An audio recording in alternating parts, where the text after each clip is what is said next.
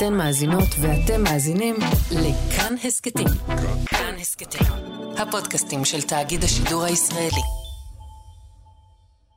כשאני סיקרתי את ועדת הבחירות, היה שם אחד שהיה מגיע תמיד, הוא מקבל בסביבות 400 קולות. הוא כבר יודע מי מצביע לו. ואז אני שואל אותו שוב ושוב, למה, למה אתה רץ? הוא אומר, כדי לתת ביטוי לאותם 400 אנשים. הם לא מקבלים ביטוי בקלפי, אני נותן להם את ההזדמנות. בסדר. כל הכבוד. בפעם הבאה שאתם נקלעים לאיזה קלפי, תעיפו מבט בפתקים שמולכם. רוב המפלגות שכתובות עליהם לא יהיו בכנסת הבאה. הן גם לא נבחרו לקודמת, או לקודמת קודמת. אז מה? ממתי זאת סיבה לא לרוץ?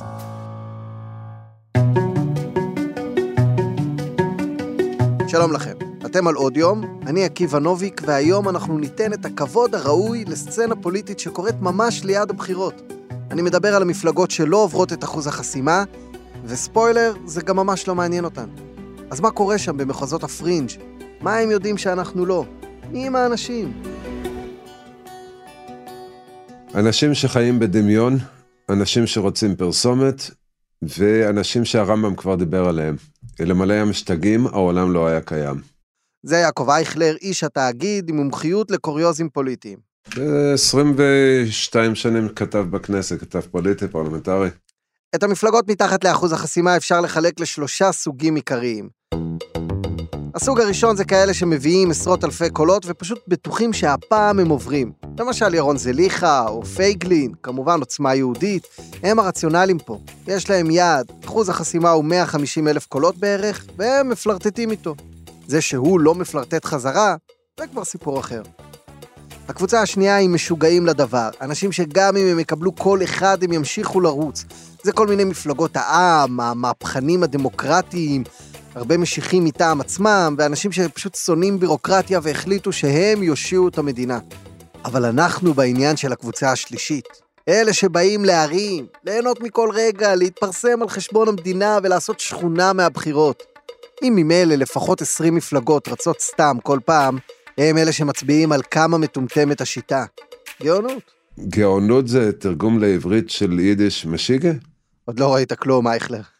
לכל המשפחה כרטיס טיסה בחינם, לאפריקה, למקסיקו, לתאילנד גם. פח, נו באמת, לאן המדינה הזאת הגיעה? מפלגת כלכלה, לה לכנסת מגיעה, הפתעת הבחירות 30 מנדטים לפחות. מבחינת fun זה כן, זה היה ממש אה, חוויה של החיים שלי. דני גולדשטיין רץ פעמיים לכנסת מטעם מפלגת כלכלה. לא להתבלבל עם זאת של ירון זליכה, כן? דני ואחיו בני הטרילו את מדינת ישראל, אבל הם לא באו רק להטריל, הו לא, הייתה להם מטרה חשובה בהרבה.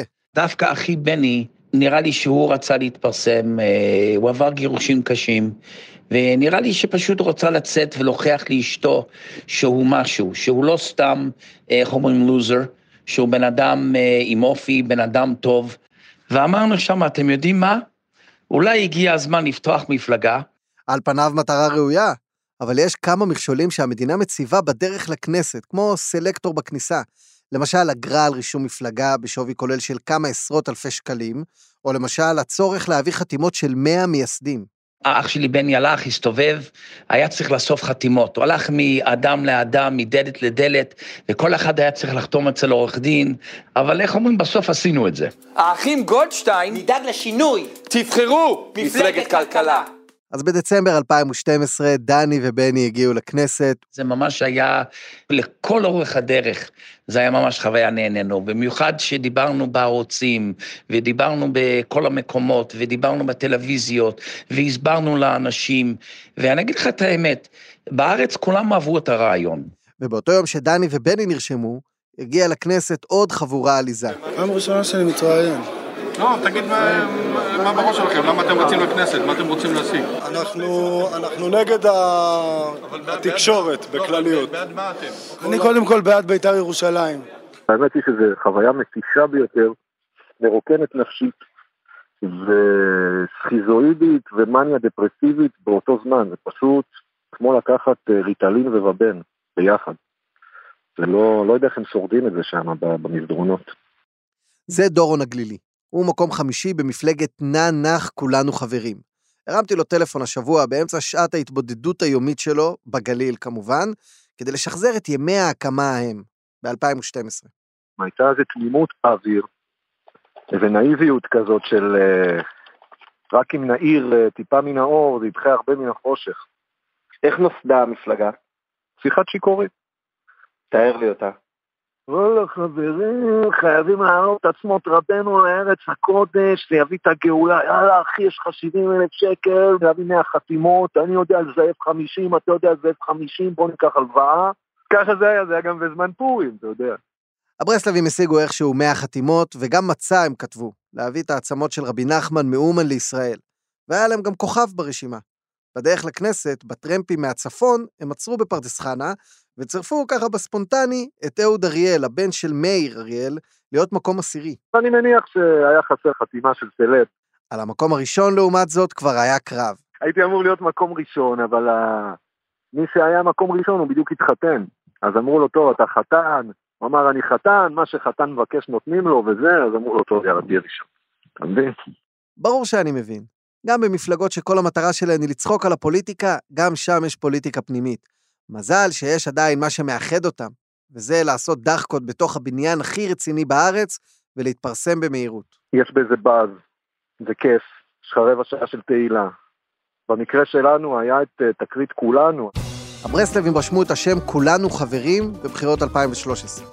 משה כחלון הקים ב-2015 את מפלגת כולנו, והיה שם מאבק רציני שבו הדורונים הגליליים אפילו העזו לדרוש ממנו מקומות ברשימה, וקיבלו על הדרך עוד קצת פרסום. אז התחלנו לקבל טלפונים, כי כולם היו בטוחים שאנחנו כחלון. ראיונות בחו"ל, קמפיינים של פרסום.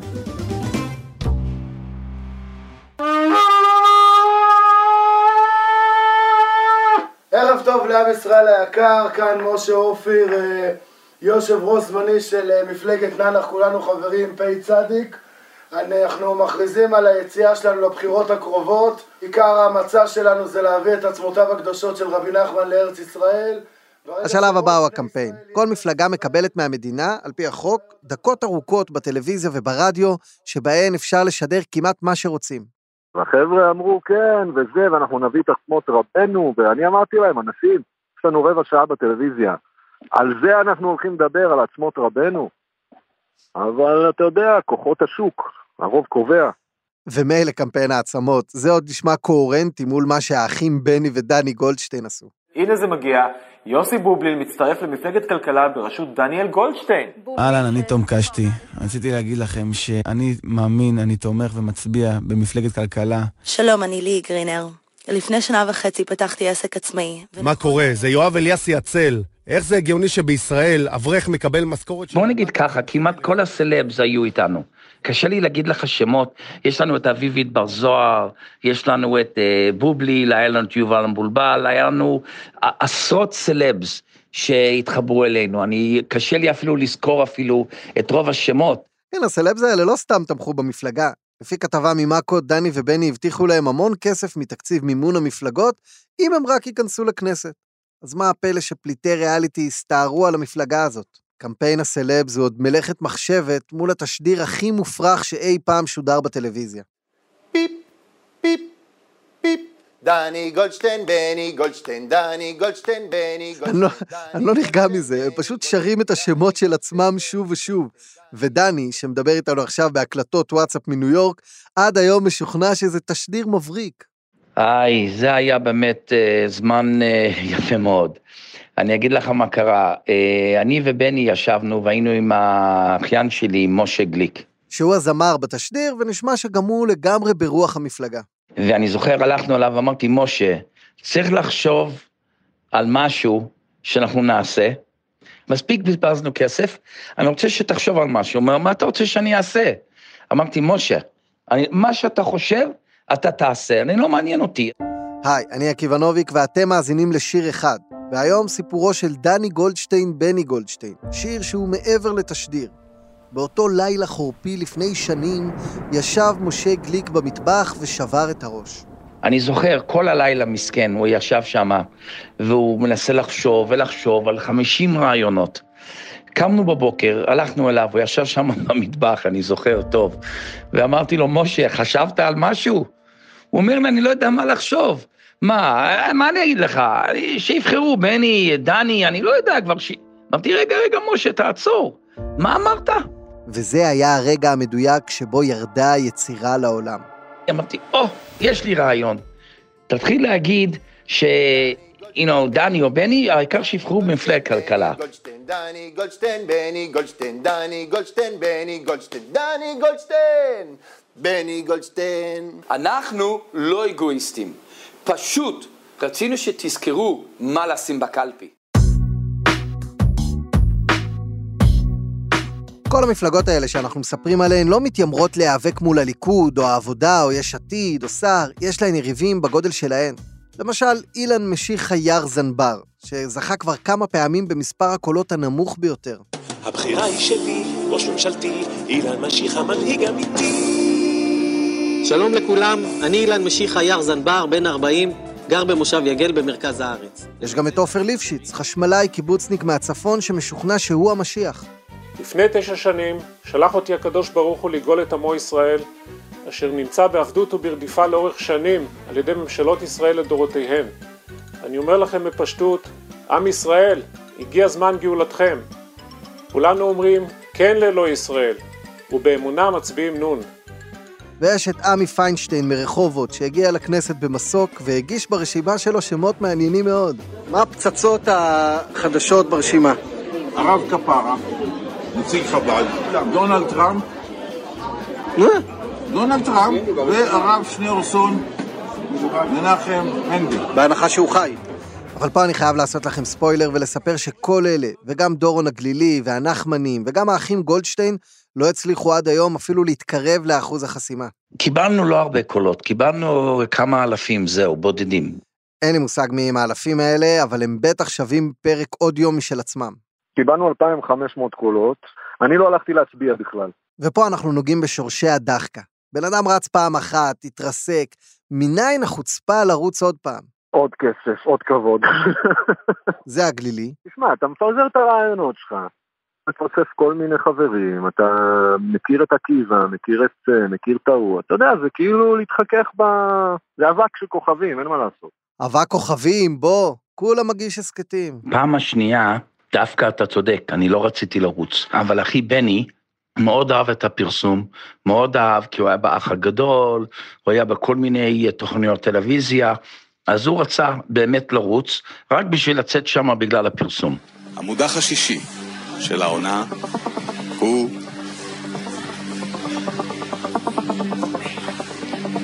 בני בוא אלינו. והכי חשוב, הגרושה יודעת בבירור שבני איננו לוזר. אבל להציג את כל הסצנה הזאת כדחקה זה שטחי, ואנחנו הרי באנו להעמיק. בטח יש איזושהי סיבה שגורמת לכל כך הרבה אנשים אלמונים לרוץ לכנסת בלי שקל בכיס ובלי סיכוי. ובכן, יש. זה קרה לפני 15 שנים, בבחירות 2006, כשמפלגת מחאה שאף סקר לא ספר, ניפצה את תקרת הזכוכית בענק. בואו נתבונן יחד בתוצאות מדגם הטלוויזיה. גמלאי ישראל, הפתעת הבחירות האלה. גמלאי ישראל, שמונה מנדטים. מפלגת הגמלאים זינקה רק ביום הבחירות עצמו. הישג שיא אי פעם למפלגה שלא הופיעה בשום סקר לפני, והנה גם לדורון הגלילי יש לאן לשאוף. אמרתי לחברים, בואו נהיה הגמלאים, שכאילו ניכנס עם איזה 17 מנדטים, חבורה של שגורים, ניכנס עם 17 מנדטים לכנסת. וזה עד היום תקוותם של כל השבורים? תקוותם ואכזבתם. כי אם הגמלאים יתרסקו אחרי הפתעה, והם ייצגו משהו, בוא, הגמלאים הביאו איזשהו מסר. הם דיברו לכל אחד ואחד מאיתנו. הגמלאים דיברו בקישקס של כל מצביע פוטנציאלי. ניסו לשחזר את זה עם הנכים, ניסו לשחזר את זה עם ניצולי השואה, זה לא הצליח. אבל התקווה אייכלר עדיין קיימת. עם ישראל חי מתקווה לתקווה. נו. אז יש פה איזו תקווה בת 15 שנה, שבשמה המדינה שופכת ים משאבים וכסף וכולי על, על, אתה יודע, סצנה משוגעת. כי אף אחד לא מעז לתקן את חוק הבחירות. איזה תיקון? שכל מי שרוצה להתמודד, שישלם כסף, שישלם את ההוצאות. הצלחת להיכנס לכנסת, תקבל חזרה את הכסף. אבל החוק לא מתעדכן, כי הח"כים לא רוצים לעדכן אותו. אז המדינה ממשיכה לתחזק, לממן ולעודד את הפסטיבל הביזארי הזה, שעולה לנו לא מעט. אתה יודע שלפי החוק, ועדת הבחירות מצביעה פתקים כמניין הבוחרים. כל מפלגה, אם רשומות כרגע 39 מפלגות, מדפיסים 39 כפול 6 מיליון פתקים פלוס פלוס, כי צריך למעשה ספייר. כן, בדקתי את זה. השנה מדפיסים 11 מיליון פתקים לכל מפלגה. גם לכבוד האדם בראשות ארכדי פוגאץ', גם לרב החובל בשאר השעליין, לכל אחד. תוך כדי העבודה על הפרק הזה גיליתי עוד מניע.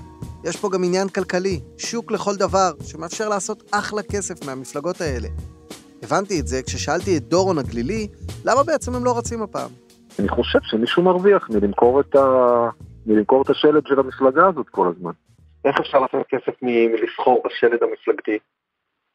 זה שווה, זה 30 אלף שקל לבחירות, אני יודע, מישהו מוכר את זה. לא יודע מי, אתה יודע, אני לא רוצה להגיד שמות, אבל אה, שרון, אחד החבר'ה, הוא מוכר את, המפלגה ועושה סטיקרים של נאנך, מה? מתפלל עלינו בציון, באוקראינה. בקצב של ארבע בחירות בשנה זה סטארט-אפ רציני, כן. למי מכרתם את השלד שלכם? למפלגת אה, לב העולם אמרת? איך, איך הם יקראו? למניעת הפצת אה, נשק. אני הצבעתי יודע. להם, ללב היהודי, נגד אה? מכירת נשק לדרום סודאן. נכון, זה משהו שצריך למסור עליו נפש. הם קיבלו 516 קולות, ואני הייתי אחד מהם.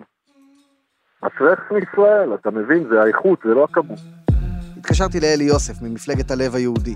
סיפר לי שבאמת אפשר לשכור בישראל שלט של מפלגה, וגם סיפר שמישהו הציע לו לקנות את המפלגה שלו לכל החיים בעד 100 אלף שקל. זה כן. כבר עשו את זה. נדמה לי צומת זאת המפלגה הכי שכירה. ש... מי, מי קנה? הקים, הקים את זה בשעתו רפול. רפול, וכל, בבחירות הקודמות נדמה לי אורן חזן רץ עם המפלגה הזאת. כי מפלגה שכבר הוקמה נשארת על המדף, ואפשר למכור את הזכות לרוץ עם השלט שלה. ככה אורן חזן רץ עם השם שפעם רפול רץ איתו. אגב, גם בנט ושקד קנו מפלגה כשהם עזבו את הבית היהודי ורצו פעם ראשונה לבד, הם שילמו כמה עשרות אלפי שקלים בעד השלט הזה. זה שווה ככה כי להקים מפלגה זה המון הוצאות. יש עלות פרסום של 35 אלף שקלים, על כל אחת מ-100 החתימות שתגישו צריך לשלם 160 שקל. זה עוד 16 אלף. תוסיפו כמה אגרות ושכר טרחה, זה יותר מ-60 אלף. אז אני חוזר אליך, אייכלר, אפשר להחזיר את הכסף בלי להיכנס לכנסת? אם הוא מקבל אחוז אחד מתוך אחוז החסימה, אז הוא מקבל יחידת מימון. זה רלוונטי למשל לירון זליכה או לרע"מ, כי אחוז החסימה הוא קצת יותר משלושה אחוז. אבל גם באחוז אחד מקבלים יחידת מימון אחת. כמה זה יוצא? מיליון שמונה מאות עומד היום? מיליון ארבע מאות? לא זוכר. צ'ק אחד, הבאת אחוז אחד, שזה בערך אה, 50 אלף איש נגיד, 60 אלף? אה, כן. תלוי במספר המצביעים. כן. שכנעת 50 אלף אנשים להצביע לך, קיבלת מיליון נקודה משהו בצ'ק. כן, כן, נכון. המרוץ למיליון נקודה משהו. אבל כסף, מה זה כסף? עם כסף לא הולכים למכולת. הסיבות של האנשים האלה לרוץ לכנסת מתכתבות מאוד עם הסיבות שאנשים רצים לריאליטי. זה האקשן, זה הפרסום, החוויה, התחושה שאתה בן אדם חשוב. זה באמת הולך ונראה כמו ריאליטי. לא מבין איך אף אחד עוד לא שם מצלמות במטות של המפלגות האלה. בואו, זה כסף על הרצפה.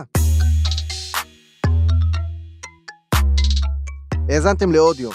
את הפרק הזה ערכו נועה אקסינר, דניאל אופיר וניר גורלי. רחל רפאלי עיצבה את הפסקול. תודה רשתי ומאיה מרקסון סייעו בהפקה. תודה רבה לכולכם על העבודה.